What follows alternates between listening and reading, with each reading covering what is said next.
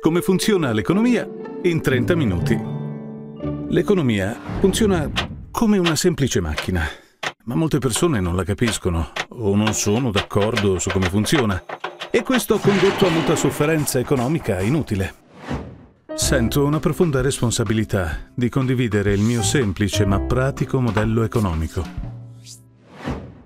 Sebbene non convenzionale, mi ha aiutato a prevedere ed evitare la crisi finanziaria globale e funziona bene per me da oltre 30 anni. Cominciamo. Nonostante l'economia sembri complessa, funziona in modo semplice e meccanico. È composta di poche parti semplici e molte transazioni semplici, che si ripetono continuamente milioni di volte. Queste transazioni sono soprattutto guidate dalla natura umana e creano tre forze principali che trainano l'economia. Numero 1. Crescita di produttività.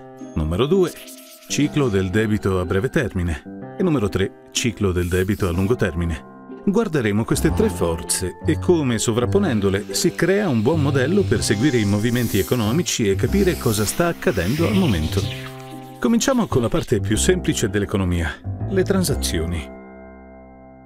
Un'economia non è altro che la somma delle transazioni che la costituiscono e una transazione è una cosa molto semplice. Si fanno transazioni continuamente Ogni volta che si compra qualcosa si crea una transazione. Ogni transazione consiste in un acquirente che scambia moneta o credito con un venditore di beni, servizi o attività finanziarie. Il credito funge da moneta, quindi sommando il denaro speso e l'ammontare di credito utilizzato si può sapere la spesa totale. L'ammontare totale speso tira l'economia. Se si divide l'ammontare speso per la quantità venduta si ricava il prezzo. Questo è tutto. Questa è una transazione. È la base della macchina economica.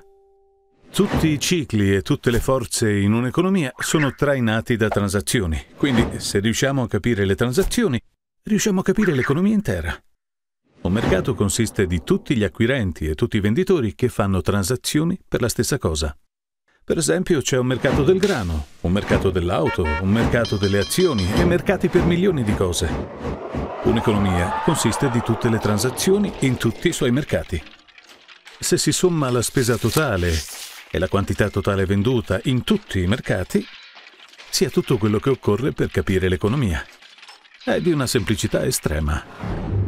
Persone, società, banche e governi tutti prendono parte a transazioni nel modo descritto, scambiando denaro e credito per beni, servizi e attività finanziarie.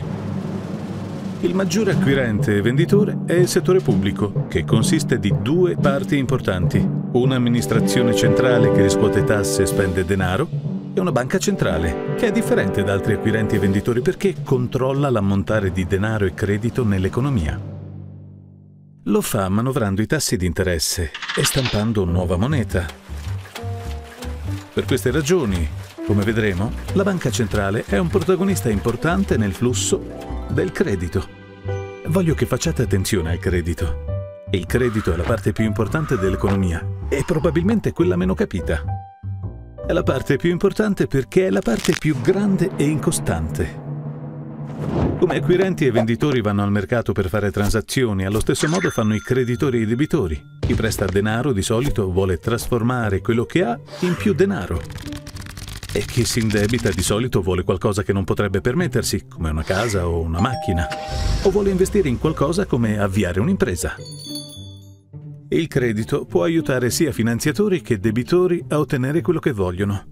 I debitori promettono di ripagare la somma presa a prestito, chiamata capitale, più una somma supplementare chiamata interesse.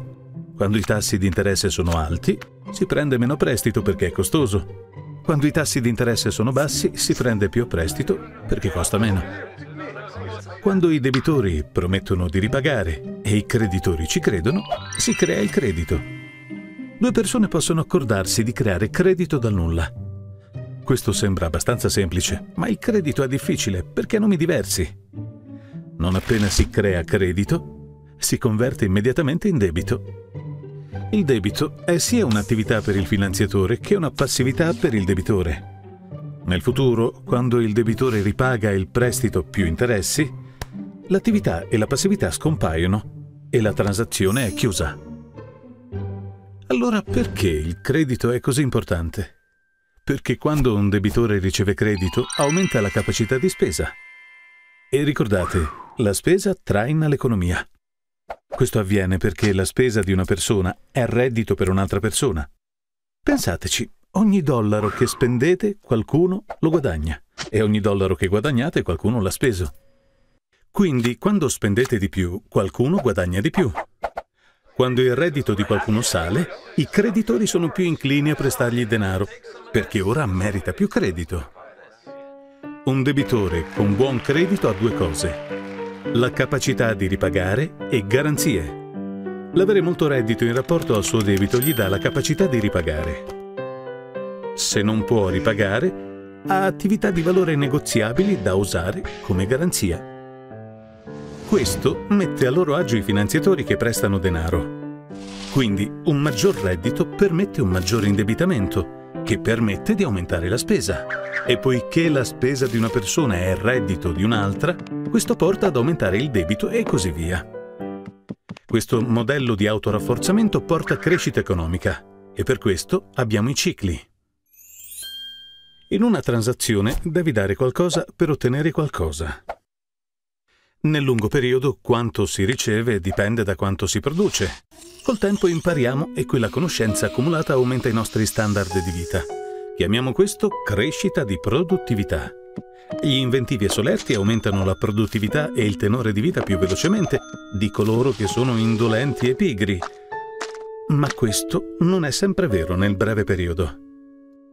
La produttività è importante soprattutto nel lungo termine ma il credito lo è soprattutto nel breve. Questo perché la crescita di produttività non fluttua molto, quindi non è motore di grandi oscillazioni economiche. Il debito esiste perché ci permette di consumare di più di quanto produciamo quando l'acquistiamo e ci fa consumare meno di quanto produciamo quando lo rimborsiamo. Le sue fluttuazioni avvengono in due grandi cicli. Uno prende circa 5-8 anni e l'altro circa 75-100 anni. La maggior parte della gente avverte le fluttuazioni, ma in genere non le vede come cicli, perché le vede troppo da vicino, giorno per giorno.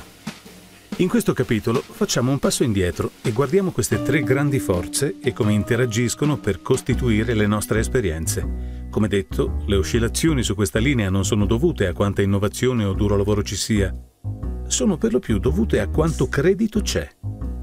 Immaginiamo per un momento un'economia senza credito. In questa economia l'unico modo per aumentare la mia spesa è di aumentare il mio reddito, che mi richiede di essere più produttivo e fare più lavoro. Una produttività aumentata è l'unico modo di crescere. Poiché il mio spendere è reddito per un'altra persona, l'economia cresce ogni volta che io o qualcun altro siamo più produttivi. Se seguiamo le transazioni e le lasciamo svolgere, vediamo una progressione come la linea di crescita della produttività. Ma poiché ci indebitiamo, ci sono i cicli. Questo non è dovuto a nessuna legge, ma alla natura umana e al modo in cui funziona il credito. Pensate al prestito come a un modo semplice per spingere la spesa. Per avere qualcosa che non ci si può permettere, si deve spendere di più di quanto si guadagna. A tal fine, in sostanza, dovete indebitarvi con voi stessi nel futuro. Facendo questo, create un periodo nel futuro in cui spenderete meno di quello che guadagnate per estinguerlo. Presto assume le sembianze di un ciclo. In soldoni, ogni volta che vi indebitate create un ciclo. Questo è vero per un individuo e per l'economia. Ecco perché capire il credito è così importante. Perché mette in moto una serie meccanica e prevedibile di eventi che accadranno nel futuro. Questo rende il credito diverso dalla moneta. Con la moneta chiudete le transazioni. Quando comprate una birra da un barista in contanti, la transazione è chiusa subito. Ma quando la comprate a credito, è come aprire un conto al bar. Dite che promettete di pagare nel futuro. Insieme voi e il barista create un'attività e una passività. Ora avete creato credito dal nulla. Finché non pagate il conto, le attività e le passività non spariscono. Il debito non va via e la transazione non si chiude. La realtà è che la maggior parte di ciò che la gente chiama denaro è credito. L'ammontare totale di credito negli Stati Uniti è circa 50 trilioni di dollari e la somma totale di moneta è solo circa 3 trilioni di dollari. Ricordate, in un'economia senza credito l'unico modo di aumentare la vostra spesa è produrre di più. Ma in un'economia con credito potete aumentare la vostra spesa anche indebitandovi. Come risultato, un'economia con credito ha più spesa e permette ai redditi di salire più presto della produttività a breve termine, ma non a lungo termine. Ora non fraintendetemi, il credito non è sempre qualcosa di male che provoca solo cicli. È male quando gonfia il consumo che non può essere ripagato. Tuttavia, è bene quando si allocano in modo efficiente le risorse e si produce reddito in modo da ripagare il debito. Per esempio, se vi indebitate per comprare un grande televisore, non generate reddito che vi fa ripagare il debito. Ma se prendete un prestito per un trattore e quel trattore vi fa avere un raccolto maggiore e guadagnare più denaro, poi potete ripagare il vostro debito e migliorare il vostro standard di vita. In un'economia con credito possiamo seguire le transazioni e vedere come il credito crea crescita. Lasciate che vi faccia un esempio. Supponete di guadagnare 100.000 dollari all'anno e non avere debiti. Godete di credito sufficiente per prendere in prestito 10.000 dollari, diciamo da una carta di credito, così potete spenderne 110.000 anche se ne guadagnate solo 100.000. Poiché la vostra spesa è il reddito di un'altra persona, qualcuno guadagna 110.000 dollari. La persona che ne guadagna 110.000 senza debiti può prenderne a prestito 11.000, così può spenderne 121.000, anche se ne ha solo guadagnati 110.000 la sua spesa è il reddito di un altro e seguendo le transazioni vediamo come questo processo funziona in un modello di autorafforzamento. Ma ricordate, contrarre prestiti crea cicli e se il ciclo sale, prima o poi deve scendere. Questo ci porta nel ciclo del debito a breve termine. Al crescere dell'attività vediamo un'espansione. La prima fase del ciclo del debito a breve termine la spesa continua ad aumentare e i prezzi cominciano a salire. Questo accade perché l'aumento nella spesa è alimentato dal credito, che può essere creato da nulla all'istante. Quando l'ammontare della spesa e i redditi crescono più veloci della produzione di merci, i prezzi salgono. Quando i prezzi salgono, parliamo di inflazione. La banca centrale non vuole troppa inflazione perché causa problemi. Vedendo i prezzi salire, alza i tassi di interesse. Con tassi di interesse più alti, meno persone possono permettersi di prendere a prestito e il costo dei debiti esistenti sale. Pensateci quando i pagamenti mensili sulla vostra carta di credito vanno su. Poiché la gente prende meno prestiti a rimborsi del debito più alti, ha meno denaro residuo da spendere, così la spesa diminuisce. E poiché la spesa di una persona è il reddito di un'altra persona, il reddito cala. E così via. Quando la gente spende meno, i prezzi calano. Chiamiamo questa deflazione. L'attività economica diminuisce e abbiamo una recessione. Se la recessione diventa troppo grave e l'inflazione non è più un problema, la banca centrale abbasserà i tassi di interesse per far salire tutto di nuovo. Con tassi di interesse bassi i rimborsi del debito sono ridotti e l'indebitamento e la spesa riprendono e vediamo un'altra espansione. Come potete vedere, l'economia funziona come una macchina. Nel ciclo di debito a breve termine, la spesa è limitata solo dalla volontà di creditori e debitori di dare e ricevere credito. Quando il credito è facilmente disponibile, c'è un'espansione economica. Quando il credito non è facilmente disponibile, c'è una recessione. E notate che questo ciclo è controllato principalmente dalla banca centrale. Il ciclo di debito a breve termine di solito dura 5-8 anni e si ripete più e più volte per decenni. Ma notate che la base e l'apice di ogni ciclo finiscono con maggiore crescita che nel ciclo precedente e con più debito. Perché? Perché la gente lo spinge. Ha propensione a prendere in prestito e spendere di più invece di rimborsare. È la natura umana. A causa di questo, sul lungo periodo, i debiti aumentano più velocemente dei redditi, creando il ciclo del debito a lungo termine. Nonostante le persone siano sempre più indebitate, i finanziatori estendono il credito anche più liberamente. Perché? Perché tutti pensano che le cose stiano andando benissimo. Le persone si concentrano solo sugli ultimi eventi. E cosa è successo ultimamente? I redditi sono aumentati, i valori patrimoniali crescono, il mercato azionario ruggisce, è un boom! Vale la pena acquistare beni, servizi e attività finanziarie con denaro preso in prestito. Quando la gente esagera, si chiama bolla. Così, anche se i debiti sono stati in crescita, i redditi sono cresciuti quasi così velocemente da compensarli. Chiamiamo il rapporto tra debito e reddito il peso del debito. Fino a quando i redditi continuano a salire, il peso del debito rimane gestibile. Allo stesso tempo i valori patrimoniali salgono. La gente prende in prestito enormi somme di denaro per acquistare beni come investimenti, provocando un rialzo dei prezzi ancora maggiore. La gente si sente ricca. Quindi, anche con l'accumulo di un sacco di debiti, l'aumento di redditi e valori patrimoniali aiuta i debitori a godere del credito per lungo tempo. Ma questo ovviamente non può continuare per sempre. E non lo fa. Nel corso dei decenni gli oneri del debito aumentano lentamente creando sempre maggiori rimborsi del debito. A un certo punto i rimborsi del debito iniziano a crescere più velocemente dei redditi, costringendo la gente a ridurre la propria spesa. E dal momento che la spesa di una persona è il reddito di un'altra persona, i redditi iniziano a scendere, cosa che rende le persone meno degne di credito e fa calare i prestiti. I rimborsi del debito continuano ad aumentare cosa che porta al calo ulteriore della spesa e il ciclo si inverte. Questo è il picco del debito a lungo termine. Gli oneri del debito sono diventati troppo grandi. Per gli Stati Uniti, Europa e gran parte del resto del mondo questo avvenne nel 2008. Accadde per lo stesso motivo per cui accadde in Giappone nel 1989 e negli Stati Uniti nel 1929. Ora l'economia comincia la riduzione della leva finanziaria. In una riduzione della leva finanziaria la gente taglia la spesa, i redditi cadono, il credito scompare, i prezzi delle attività calano, le banche sono sotto pressione, la borsa crolla, le tensioni sociali aumentano e tutto comincia ad autoalimentarsi nell'altro verso.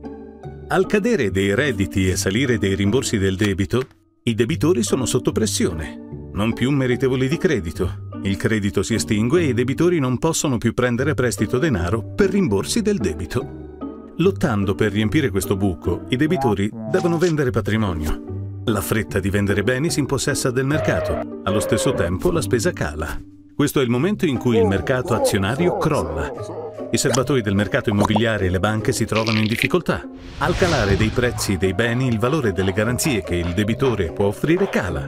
Questo rende i debitori ancora meno degni di credito. Le persone si sentono povere. Il credito scompare rapido. Meno spesa, meno reddito, meno ricchezza, meno credito, meno prestiti e così via. È un circolo vizioso. Ciò pare simile a una recessione, ma la differenza qui è che i tassi di interesse non possono essere abbassati per salvare la situazione.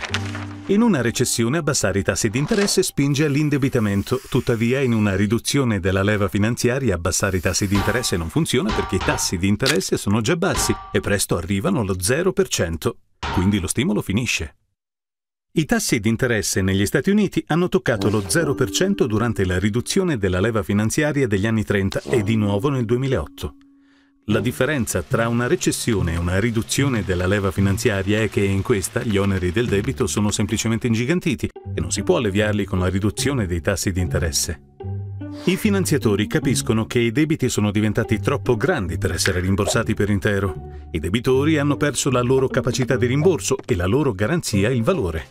Si sentono paralizzati dal debito, non ne vogliono più sapere. I creditori fermano i prestiti, i debitori smettono di prendere a prestito. Pensate all'economia come non degna di credito, proprio come un individuo. Quindi che cosa fate per una riduzione della leva finanziaria? Il problema è che gli oneri del debito sono troppo alti e devono scendere. Ci sono quattro modi in cui questo può accadere. 1. Persone, imprese e governi tagliano la loro spesa. 2. I debiti sono ridotti con fallimenti e ristrutturazioni. 3. La ricchezza viene ridistribuita dagli abbienti ai non abbienti. E infine 4. La banca centrale stampa nuova moneta. Questi quattro modi sono accaduti in ogni riduzione della leva finanziaria nella storia moderna. Di solito la spesa viene tagliata prima. Come abbiamo appena visto, persone, imprese, banche e anche governi tirano la cinghia e tagliano la spesa per poter pagare il loro debito. Questo è spesso definito come austerity. Quando i debitori smettono di prendere nuovi prestiti e cominciano a pagare vecchi debiti, ci si aspetta che il peso del debito cali. Ma succede l'opposto. Poiché la spesa è tagliata e la spesa di una persona è il reddito di un'altra, fa calare i redditi, che calano più in fretta di quanto i debiti non siano rimborsati. E il peso del debito in realtà peggiora. Come abbiamo visto, questo taglio della spesa è deflazionistico e doloroso. Le aziende sono costrette a tagliare i costi, che significa meno posti di lavoro e aumento della disoccupazione. Questo porta al passo successivo. I debiti devono essere ridotti. Molti debitori non possono ripagare i loro debiti e i debiti di un debitore sono attività di un creditore. Quando i debitori non ripagano la banca, la gente pensa che la banca non possa rimborsarli. Così si precipitano a ritirare il proprio denaro dalla banca. Le banche sono sotto pressione e persone, imprese e banche non pagano i loro debiti. Questa grave contrazione economica è una depressione. La gran parte di una depressione consiste in gente che scopre che molto di quello che pensava fosse la sua ricchezza non c'è più. Torniamo al bar. Quando avete comprato una birra e l'avete messa sul conto al bar, avete promesso di rimborsare il barista. La vostra promessa è diventata un'attività del barista. Ma se violate la promessa, se non lo ripagate e siete inadempienti sul vostro conto del bar, poi la attività che ha in effetti non vale niente è sostanzialmente scomparsa. Molti finanziatori non vogliono che le attività scompaiano e accettano la ristrutturazione del debito. Ristrutturazione del debito significa che i creditori sono ripagati meno o ripagati in un periodo di tempo più lungo, oppure a un tasso di interesse più basso di quanto prima concordato. In qualche modo, il contratto è violato per ridurre il debito. Gli istituti di credito preferiscono avere un po' di qualcosa che tutto di niente. Anche se il debito scompare, la ristrutturazione del debito fa scomparire più rapidamente valori reddituali e patrimoniali, in modo che il peso del debito continua a peggiorare. Come il taglio della spesa, anche la riduzione del debito è dolorosa e deflazionistica.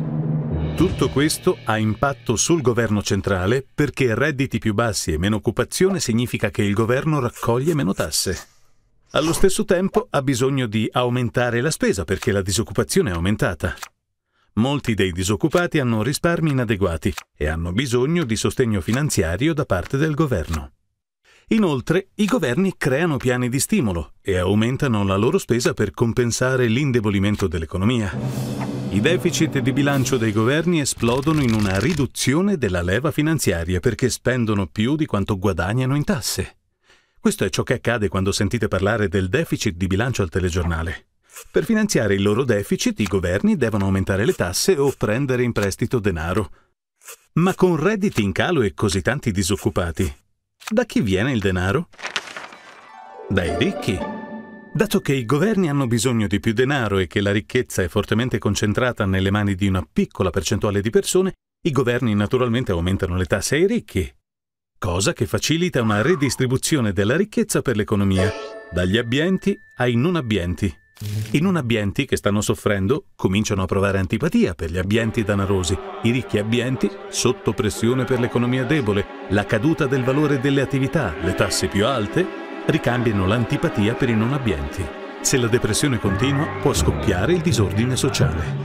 Non solo aumentano le tensioni all'interno dei paesi, ma possono sorgere tra paesi, specialmente paesi debitori e creditori la situazione può portare a un cambiamento politico, che a volte può essere estremo. Negli anni 30 questo portò Hitler al potere, guerra in Europa e depressione negli Stati Uniti. La pressione per fare qualcosa che fermi la depressione aumenta. Ricordate, la maggior parte di ciò che la gente pensava denaro era in effetti credito, così quando il credito sparisce la gente non ha abbastanza denaro. Le persone sono alla disperata ricerca di denaro e ricordate chi stampa denaro? La banca centrale. Avendo già abbassato i tassi di interesse a quasi zero, è costretta a stampare denaro. A differenza del taglio della spesa, riduzione del debito e redistribuzione della ricchezza, stampare denaro è inflazionistico e stimolante.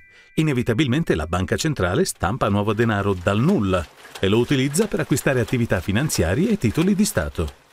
Successe negli Stati Uniti durante la Grande Depressione. e di nuovo nel 2008 quando la Banca Centrale degli Stati Uniti, la Federal Reserve, stampò oltre 2 trilioni di dollari.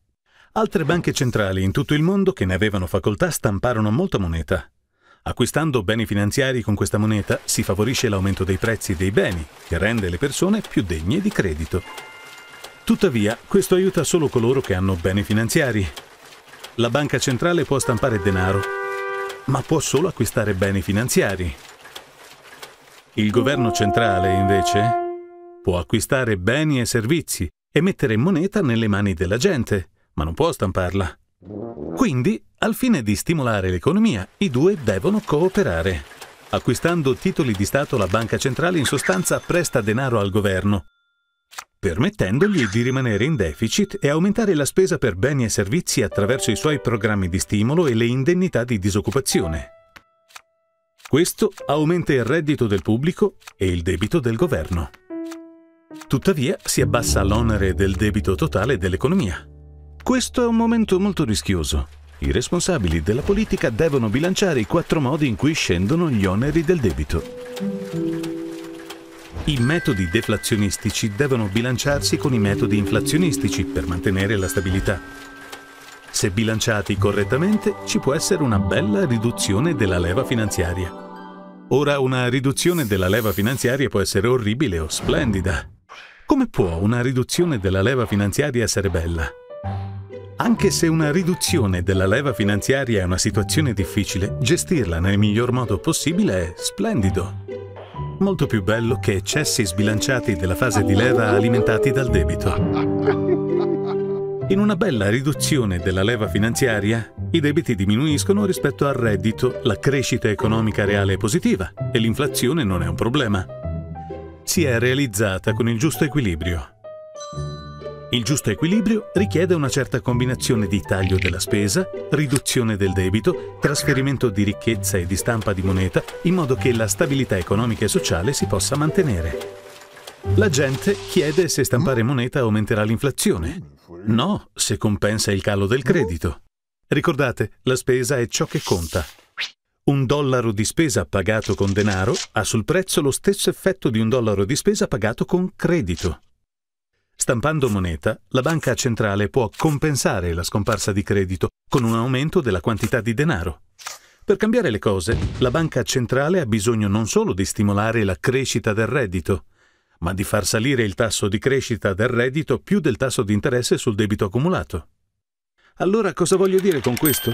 Fondamentalmente il reddito ha bisogno di crescere più presto del debito. Per esempio, supponiamo che un paese che attraversa una riduzione della leva finanziaria abbia un rapporto debito sul reddito del 100%. Ciò significa che la quantità di debito che ha è la stessa dell'importo del reddito che l'intero paese produce in un anno. Ora pensate al tasso di interesse su questo debito, diciamo che è del 2%. Se il debito sale al 2% a causa di questo tasso di interesse e il reddito sale solo circa dell'1%, non potrete mai ridurre l'onere del debito. È necessario stampare denaro sufficiente per spingere il tasso di crescita del reddito sopra il tasso di interesse. Tuttavia, è facile abusare della stampa di moneta perché è immediata e la gente la preferisce alle alternative. La chiave è di evitare di stampare troppa moneta e innescare un'inflazione rampante come fece la Germania durante la riduzione della leva finanziaria negli anni venti. Se i politici raggiungono il giusto equilibrio, una riduzione della leva finanziaria non è così drammatica. La crescita è lenta, ma gli oneri del debito scendono. È una bella riduzione della leva finanziaria. Quando i redditi salgono, i debitori cominciano a sembrare più degni di credito e quando i debitori sembrano più degni di credito, i finanziatori ricominciano a prestare denaro. Gli oneri del debito finalmente scendono. Potendo prendere a prestito denaro, la gente può spendere di più. Alla fine l'economia ricomincia a crescere portando alla fase di reflazione del ciclo di debito a lungo termine. Anche se il processo di riduzione della leva finanziaria può essere orribile se mal gestito, se gestito bene finirà per risolvere il problema. Ci vuole circa un decennio o più perché gli oneri del debito scendano e l'attività economica torni alla normalità, da qui il termine decennio perduto. Naturalmente l'economia è un po' più complicata di quanto questo modello suggerisca. Tuttavia, porre il ciclo di debito a breve termine sul ciclo di debito a lungo termine e poi porre entrambi sopra la linea di crescita della produttività dà un modello ragionevolmente buono per vedere dove siamo stati, dove siamo ora e dove stiamo probabilmente andando. In sintesi, ci sono tre regole empiriche che vorrei che recepiste da questo. Primo, non lasciate che il debito salga più presto del reddito, perché i vostri oneri del debito alla fine vi schiacceranno. Secondo, non lasciate che il reddito salga più rapidamente della produttività perché vi troverete infine a diventare non competitivi. E terzo, fate tutto il possibile per aumentare la produttività, perché a lungo andare questo è ciò che conta di più. Questo è un consiglio semplice per voi e per i responsabili politici. Potreste essere sorpresi, ma i più, tra cui la maggioranza dei responsabili politici, non bada abbastanza a questo. Questo modello ha funzionato per me e spero che funzionerà per voi. Grazie.